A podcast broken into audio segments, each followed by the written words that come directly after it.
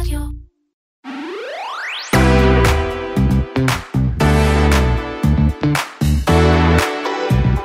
בשבוע שעבר רכשה למונייד הישראלית, חברה אמריקאית בכחצי מיליארד דולר בעסקת מניות.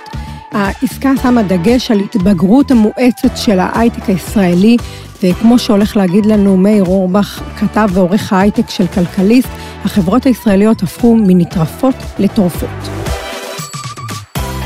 וגם תחקיר של הוול סטריט ג'ורנל חושף השקעה משמעותית של קרנות הון סיכון וחברות אמריקאיות בתעשיית השבבים בסין, תרומה משמעותית למאמץ הסיני להגיע לדומיננטיות עולמית בתעשיית השבבים. למה זה מפחיד את בכירי הממשל האמריקאי ולמה זה צריך להפחיד גם אותנו? אתם מאזינים לקוקיז, פודקאסט ההייטק והטכנולוגיה של כלכליסט. אני שירלי זינגר, ואני עומר כביר. מתחילים. שירלי, שבוע שעבר היה אקזיט די משמעותי, חצי מיליון דולר, חצ... לא חצי מיליון, חצי מיליארד, מיליארד. חצי מיליארד, כן, כן, כן. אה, ומה שהיה משמעותי שם זה שלא היה איזה אקזיט של חברה ישראלית נמכרת לחברה אמריקאית, אלא של חברה ישראלית, במקרה הזה למונייד, קונה חברה אמריקאית. אה, ומה שעוד יותר משמעותי, שזה כבר לא כזה מעניין, זאת אומרת, זה לא פעם ראשונה שאנחנו רואים אקזיט או רכישה ישראלית גדולה מהסוג הזה, ואנחנו הבאנו כאן את אה, מאיר אורבך, כתב ההייטק ועורך ההייטק של כלכליסט, אה, שיספר לנו קצת. מאיר, נכון? זה לא, כמו שאמרנו, לא טרנד חדש ממש. אפילו כבר, כמו שאתה אמרת, זה הסיפור ספציפית של למונייד ומטרומייל הוא נורא מעניין, וגם אה, סופי כתבה עליו, כתבה מאוד מעניין, אצלנו בכלכליסט, אבל זה כבר לא. זה כבר כאילו לא לא מעניין, אבל לא נדיר בכלל. כאילו אפילו נפוץ. אה, אתה יכול לתת לנו כמה דוגמאות מהתקופה האחרונה? איירון סורס ביצעה ממש לאחרונה שתיים שלוש רכישות משמעותיות מאוד.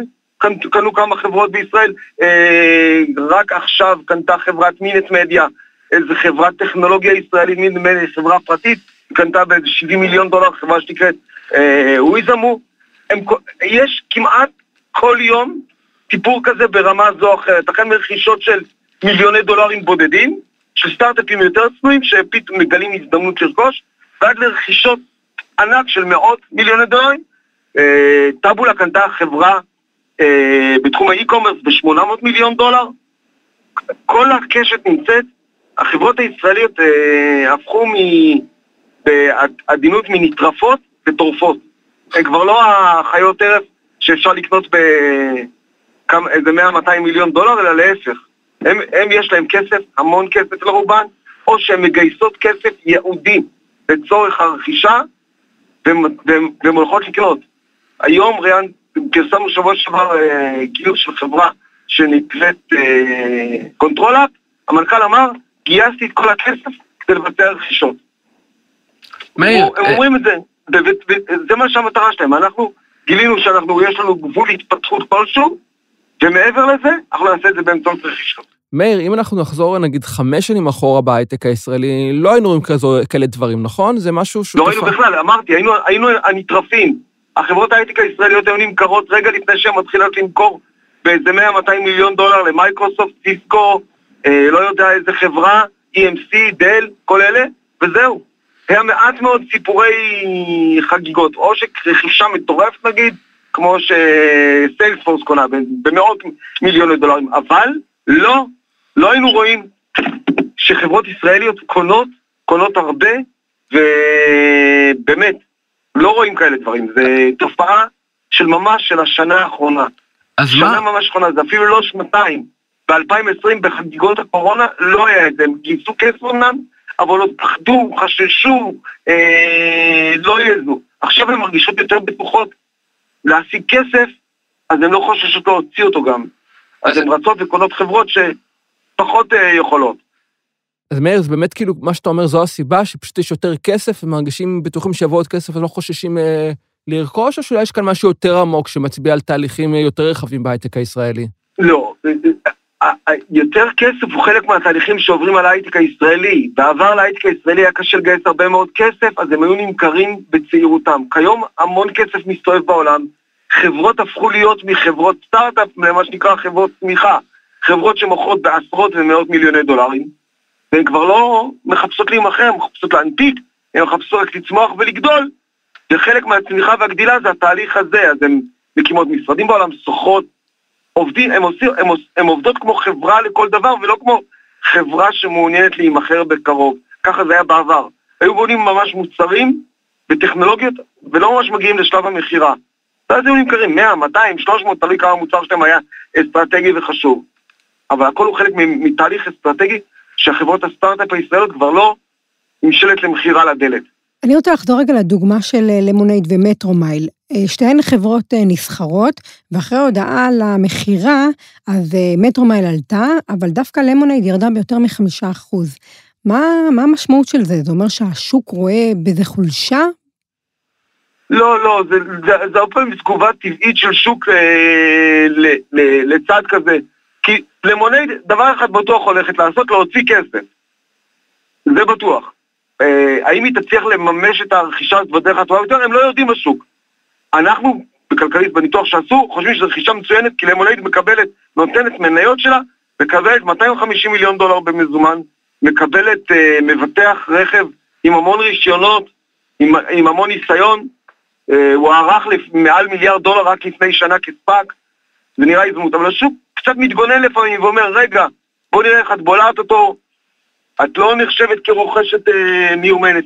בוא, אנחנו לא, לא, לא אומרים לך שזה נורא ואיום, אבל גם לא אומרים לך, רוצי ותשתוללי, אנחנו קצת גם מביעים איזה חשש מסוים. אז בגדול המהלכים האלה של חברות ישראליות של רכישות, הם לא מעידים על חולשה, אלא להפך לדעתך, הם מעידים על אה, התעצמות של החברות הישראליות. ממש, זו עוצמה אדירה. חברות ההייטק הישראליות מראות עכשיו, סוף סוף, אנחנו לא, אנחנו לא למכירה, אנחנו קונות, אנחנו אגרסיביות, אנחנו משתלטות על השווקים, אנחנו רוצות להיות הסיילספורט, הגוגל הבא או כל דבר הבא. אנחנו לא רוצות שתסתכלו עלינו למכירה, אנחנו רוצות שתסתכלו עלינו כ... כאלה שמתנפלות עכשיו על השוק. אנחנו מאוד, הם מאוד רעבים, הם לא חוששים לרוץ לגייס עוד כסף ועוד כסף, ויש להם מה לעשות, הם לא, הם לא שמים כסף בבנק כדי לטפח את עצמם. לא, לוקחות כסף והן משתמשות בו. איך זה קשור או לא קשור למגמת ההנפקות המשמעותית שראינו גם בשנה האחרונה, שהרבה חברות יוצאות להנפקה בבורסה? אה, הרבה מהן אומרות, תוך למה אתה יוצא להנפקה? אומרות, הנפקה זה לא אקזיט, הנפקה זה אירוע פיננסי משמעותי עבורנו, שמאפשר לנו לקבל הרבה מאוד כסף ונותן לנו עוד מטבע. זה נותן כמו שלמונייד הראתה. מניות זה לא רק מטבע כסף שגייסת, זה אמצעי לרכישה. באמצעות המניות שלך שהן ציבוריות, וניתן לדעת בדיוק כמה הן שוות, לקנות חברות אחרות. בשביל הרבה מאוד מהם, הנה, טאבולה הונפקה, רגע אחרי שהונפקה קנתה חברה. למונייד מצאה הזדמנות להשתמש במניות שלה לרכוש חברה, רכשה חברה. זה כלי פיננסי לחלוטין, זה אירוע פיננסי, זה לא אקזיט. זה עוד אירוע של גיוס כסף, משמעותי מאוד, אה, חשוב מאוד, כי באותו רגע אתה הופך להיות ציבורי וחשוף לעיני כל, אבל לזה צריך להתייחס לזה, ויהיו עוד הרבה כאלה.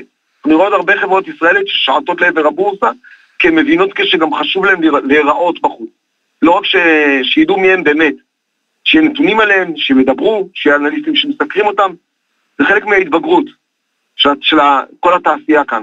מאיר, אנחנו מדברים הרבה על המחסור אה, של ההייטק הישראלי בעובדים. חסרים אה, בכל זמן נתון, לפחות 15 אלף עובדי הייטק, מדברים על זה שהמספרים אולי אפילו יותר גבוהים מזה. יכול להיות שלמהלכים האלה יש קשר גם מהכיוון הזה? ברור, כל מהלך כזה, אתה מסתכל גם איזה כוח אדם אתה הולך לקבל, וחלק חשוב במהלך זה לשים אה, כסף לעובדים שנשארים שם כדי לדאוג שיישארו, שלא יברחו לך. אה, דיברנו לא מזמן עם אה, בכיר מאוד בשוק הישראלי שאמר שהוא נורא הופתע עד כמה לא דאגו בהרבה חברות ותיקות לעובדים בעת האקזיטים. הבעלים קיבלו מיליונים רבים והעובדים קיבלו אלפים בודדים. ואז רבים הם עזבו והרוכש נשארה עם שוקת שבורה, כי לא מעניין רק הטכנולוגיה שנרכשת. חלק מתהליך רכישה זה לקבל כמה עשרות מאות עובדים אליך פנימה לחברה. טכנולוגיים, אנשי מכירות, שיווק, כל הדברים האלה, אתה רוצה אותם אצלך, אתה לא רוצה לוותר עליהם. אתה רוצה עוד ועוד עובדים. יש מושג שנקרא רכישות חברות לצורכי כוח אדם, אבל זה רכישות שהן לרוב נורא קטנות. זה רכישות ממש של מיליונים, עשרות בודדות. זה לא המצב, החברות הישראליות רוכשות עכשיו חברות שגם נותנות להן כוח אדם איכותי, אבל גם או שוק או טכנולוגיה. מאיר, מה, מה השלב הבא? זאת אומרת, ראינו כבר אקזיטי ענק, רכישות ענק, מה השלב הבא של ההייטק הישראלי? השלב הבא של ההייטק הישראלי זה, זה ליצור באמת מגה מגה חברות. אנחנו עוד לא יודעים כל כך מי אלה יהיו, יש כמה שמסומנות, מאנדיי לדוגמה, בעיניי חברה שמסומנת ככזאת. וויקס יש סיכוי. מגה חברות זה חברות שכבר, כאילו, כשנחשוב מה השווי שלהם, לא נחפש את ה-10, 15, 20, אלא נחפש 30, 50, ואולי נפנטז כבר על החברת ה-100 מיליארד דולר הראשונה. שזה באמת, חברה ישראלית ששווה 100 מיליארד דולר, זה אמירה מטורפת. גם 50 זה כבר חברה משמעותית מאוד, אבל 100 מיליארד זה, זה עדיין כנראה רחוק מאוד, אבל קפיצה לאזור העשרות רבות, יש הרבה חברות שיכולות לגעת שם. קצת מהלכי רכישות של כל מיני חברות, נייס, אה, שהיא חברה מאוד ותיקה, מצטיירת כחברה מאוד שעושה צעדים קדימה. צריך להסתכל, אני מאמין שאנחנו נגלה שכמה וכמה חברות ישראליות עם שוק כמו שיש היום, יכולות להיות תוך שנתיים, שלוש, שוות המון כסף, לא כמו שאנחנו רואים עכשיו. אנחנו נתרגל לסכומים אחרים בכלל. אתה זוכר, כשרק אני התחלתי לסקר את אה, תחום הטכנולוגיה לפני 12 שנה, ואתה בטח זוכר את זה, דובר הרבה על אה, למה אין נוקיה ישראלית. אני חושב שהיום כבר אף אחד לא שואל שאלה כזאת, אולי שואלים למה אין הרבה יותר נוקיות ישראליות. כן, לא, בעיקר שואלים עכשיו, מתי תקום סיילספורס הישראלית, או סנופלייק הישראלית, חברות ששוות 100 מיליארד או הרבה מאוד מאות מיליארדים דולר, כי כבר מצפים לזה. אם פעם לא, אם פעם לא האמנו שיכולה לקום בישראל חברה גדולה אחת, אז עכשיו אנחנו מצפים שיהיו הרבה. חברות ענק אמיתיות ששולטות בשוק ומובילות עליו, ב, ב, כאילו, ממש דומיננטיות בשוק, בסכומי עתק, אפילו יותר ממה שצ'ק פוינט שלטה בזמנו ב firewall, שזה היה נחמד, אבל זה לא היה סכומי עתק. ומאיר, ככה לסיום, מי שרוצה קצת אה, לשמוע יותר על המהפכה הזאת בהייטק הישראלי, מה אתה מציע לו לעשות? אה, קודם כל לקרוא כלכליסט, וב' אה, ב-15 וב-16 וב-17 לנובמבר, כלכליסט עורך ועידה בניו יורק, יחד עם בנק לאומי. הולכים להגיע לשם למעשה אנשים, חלק מהאנשים שאחראים לתהליך הזה שזה קרה, ובעיקר אני מדבר על שתי קרנות ענק, אינסייט וטייגר, שתי קרנות שהשקיעו אה, עשרות רבות, מאות רבות של מיליוני דולרים בהייטק הישראלי, ולמעשה חלק גדול מהחברות הוצבו למעלה. וההשקעה שלהם אפשרה להמון חברות להיות מאוד מאוד עמוסות בכסף ויכולות לרכוש. ושניים מהבכירים שלהם מגיעים אלינו ויספרו איך הם עושים את זה. אז תעקבו, אה, ועידת כלכליסט בניו יורק, בעיתון ובאתר כלכליסט. תודה, מאיר, שהיית איתנו. תודה. תודה.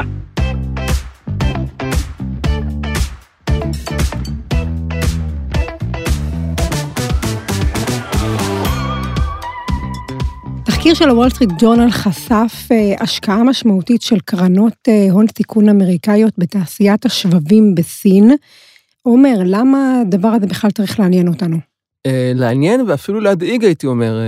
סין נמצאת, ב, אני חושב, אפשר להגיד בשנים האחרונות, במיוחד בשנתיים, שלוש האחרונות, במאמץ מיוחד לפתח את תעשיית השבבים המקומית, להגיע למה שהם קוראים שם עצמאות, independence בתחום השבבים. הם רוצים, נכון להיום ארה"ב היא מובילה ב ecosystem הכולל של השבבים, גם בפיתוח, בעיצוב, גם בייצור, בהפצה, יש בעצם, יש לה dominance לכל אורך ה-supply chain, ושבבים, אה, כמו שדי מובן מאליו, זה בעצם, אני אפילו אטען ששבבים זה המוצר הכי חשוב היום. זאת אומרת, אה, בלי שבבים שום דבר מהטכנולוגיה המודרנית לא עובד, וזה מדובר כמובן גם על אה, מוצרי צריכה כמו סמארטפונים, אייפדים, טלוויזיות, מכשירי חשמל ביתיים, אבל גם מכוניות, מטוסים, אוניות, וגם אה, ציוד אה, במפעלים, מכונות, ציוד חקלאי מודרני, טרקטורים אה, מודרניים עובדים עם שבבים. אז זאת אומרת, שבבים נמצאים בעצם בלב של כל מוצר, שירות, טכנולוגיה שאנחנו משתמשים בה, ובלעדיהם פשוט העולם, כאילו, הכלכלה העולמית נשברת ומתרסקת, אי אפשר לייצר מוצרים, אפשר לשלוח אותם, יותר חשוב מאוכל ומים במובנים מסוימים, כי בלי שבבים אין מתקני התפלה ואין איך לגדל אה, אוכל בכמויות אה, תעשייתיות מסחריות גדולות. זה החשיבות של השבבים, וזו הסיבה שסין גם רוצה להציג עצמאות בתחום. ארה"ב כבר עשתה קצת הוואנטות מול סין, בנותן לגלל לשבבים, שהיא אה, ניתקה את חברות כמו וואוי או ZTE מאספקה של שבבים, או מאספקה אחרת של חברות אמריקאיות, זאת אומרת, הם רוצים קצת להציג עצמאות בתחום החשוב הזה, ולצורך העניין באמת משקיעים הרבה משאבים והרבה השקעה פחות מוחשית כמו דה-רגולציה, של תעשיית השבבים המקומית. הדבר הזה, אני מבינה, חשוב במיוחד עכשיו, או קריטי במיוחד, בגלל שבעצם אנחנו סובלים בעולם איזשהו מחסור או עיכוב של יצור בשבבים, נכון? כן, נכון, יש אה, מחסור עולמי בשבבים, הוא התחיל אה, בימי הקורונה. אה, הנרטיב המקובל, לא יודע כמה זה נכון, שיצרנות הרכב, כשהתחילה המגפה, חשבו שיהיה ירידה בביקושים, אז הפחיתו הזמנות שבבים, השבבים הלכו לתעשיות אחרות, עכשיו יצרנות הרכב ראו שפתאום יש דווקא עלייה בביקושים, הם כבר לא עולים מספיק שבבים, ומשם נוצר כזה תגובת שרשרת, שכתוצאה יש היום מחסור בשביל הרבה תעשיות, גם אפל, חברה שיש לה אולי את ה-supply chain הכי חזק והכי יציב בעולם, יש לה מחסור בשבבים, זה חלק מזה.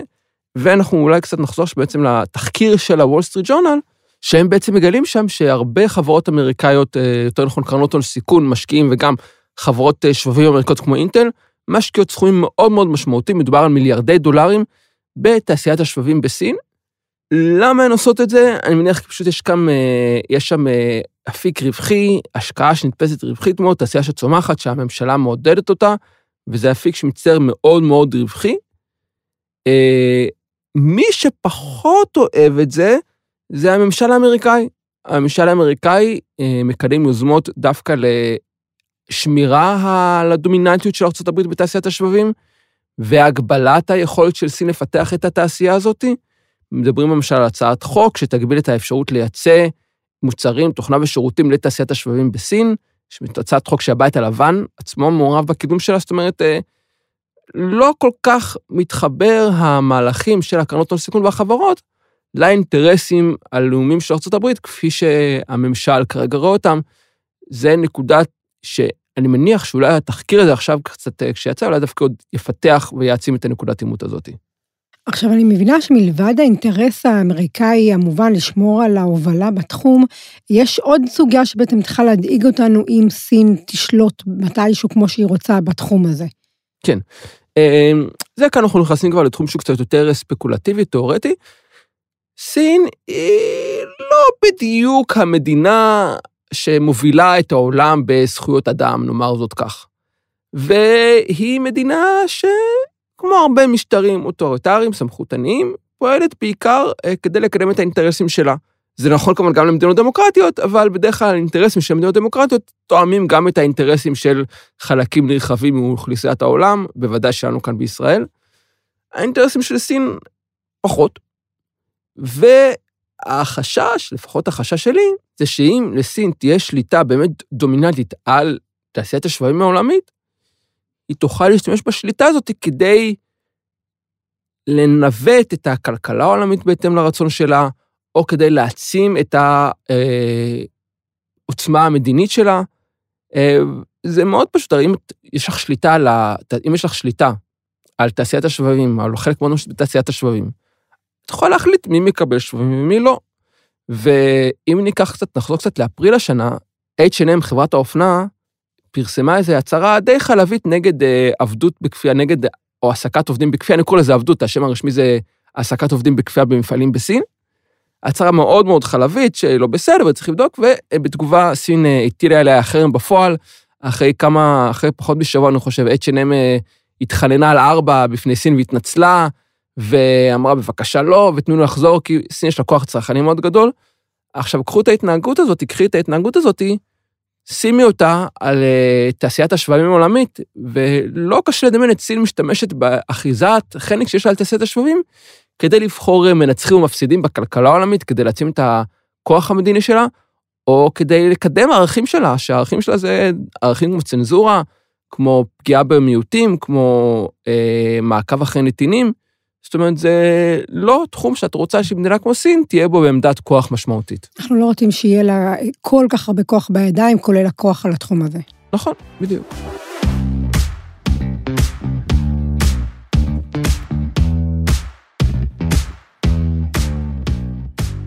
מהקוקיז לקוקיות, עומר, מה ההמלצה שלך לשבוע? כן, אז הפעם יש לי משהו שאפילו קשור לעולם התוכן של הפודקאסט הזה.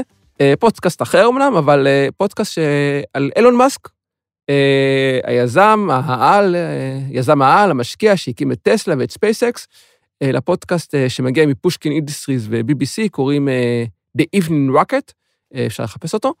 והוא עוסק בעצם באיך אלון מאסק הפך לאלון מאסק.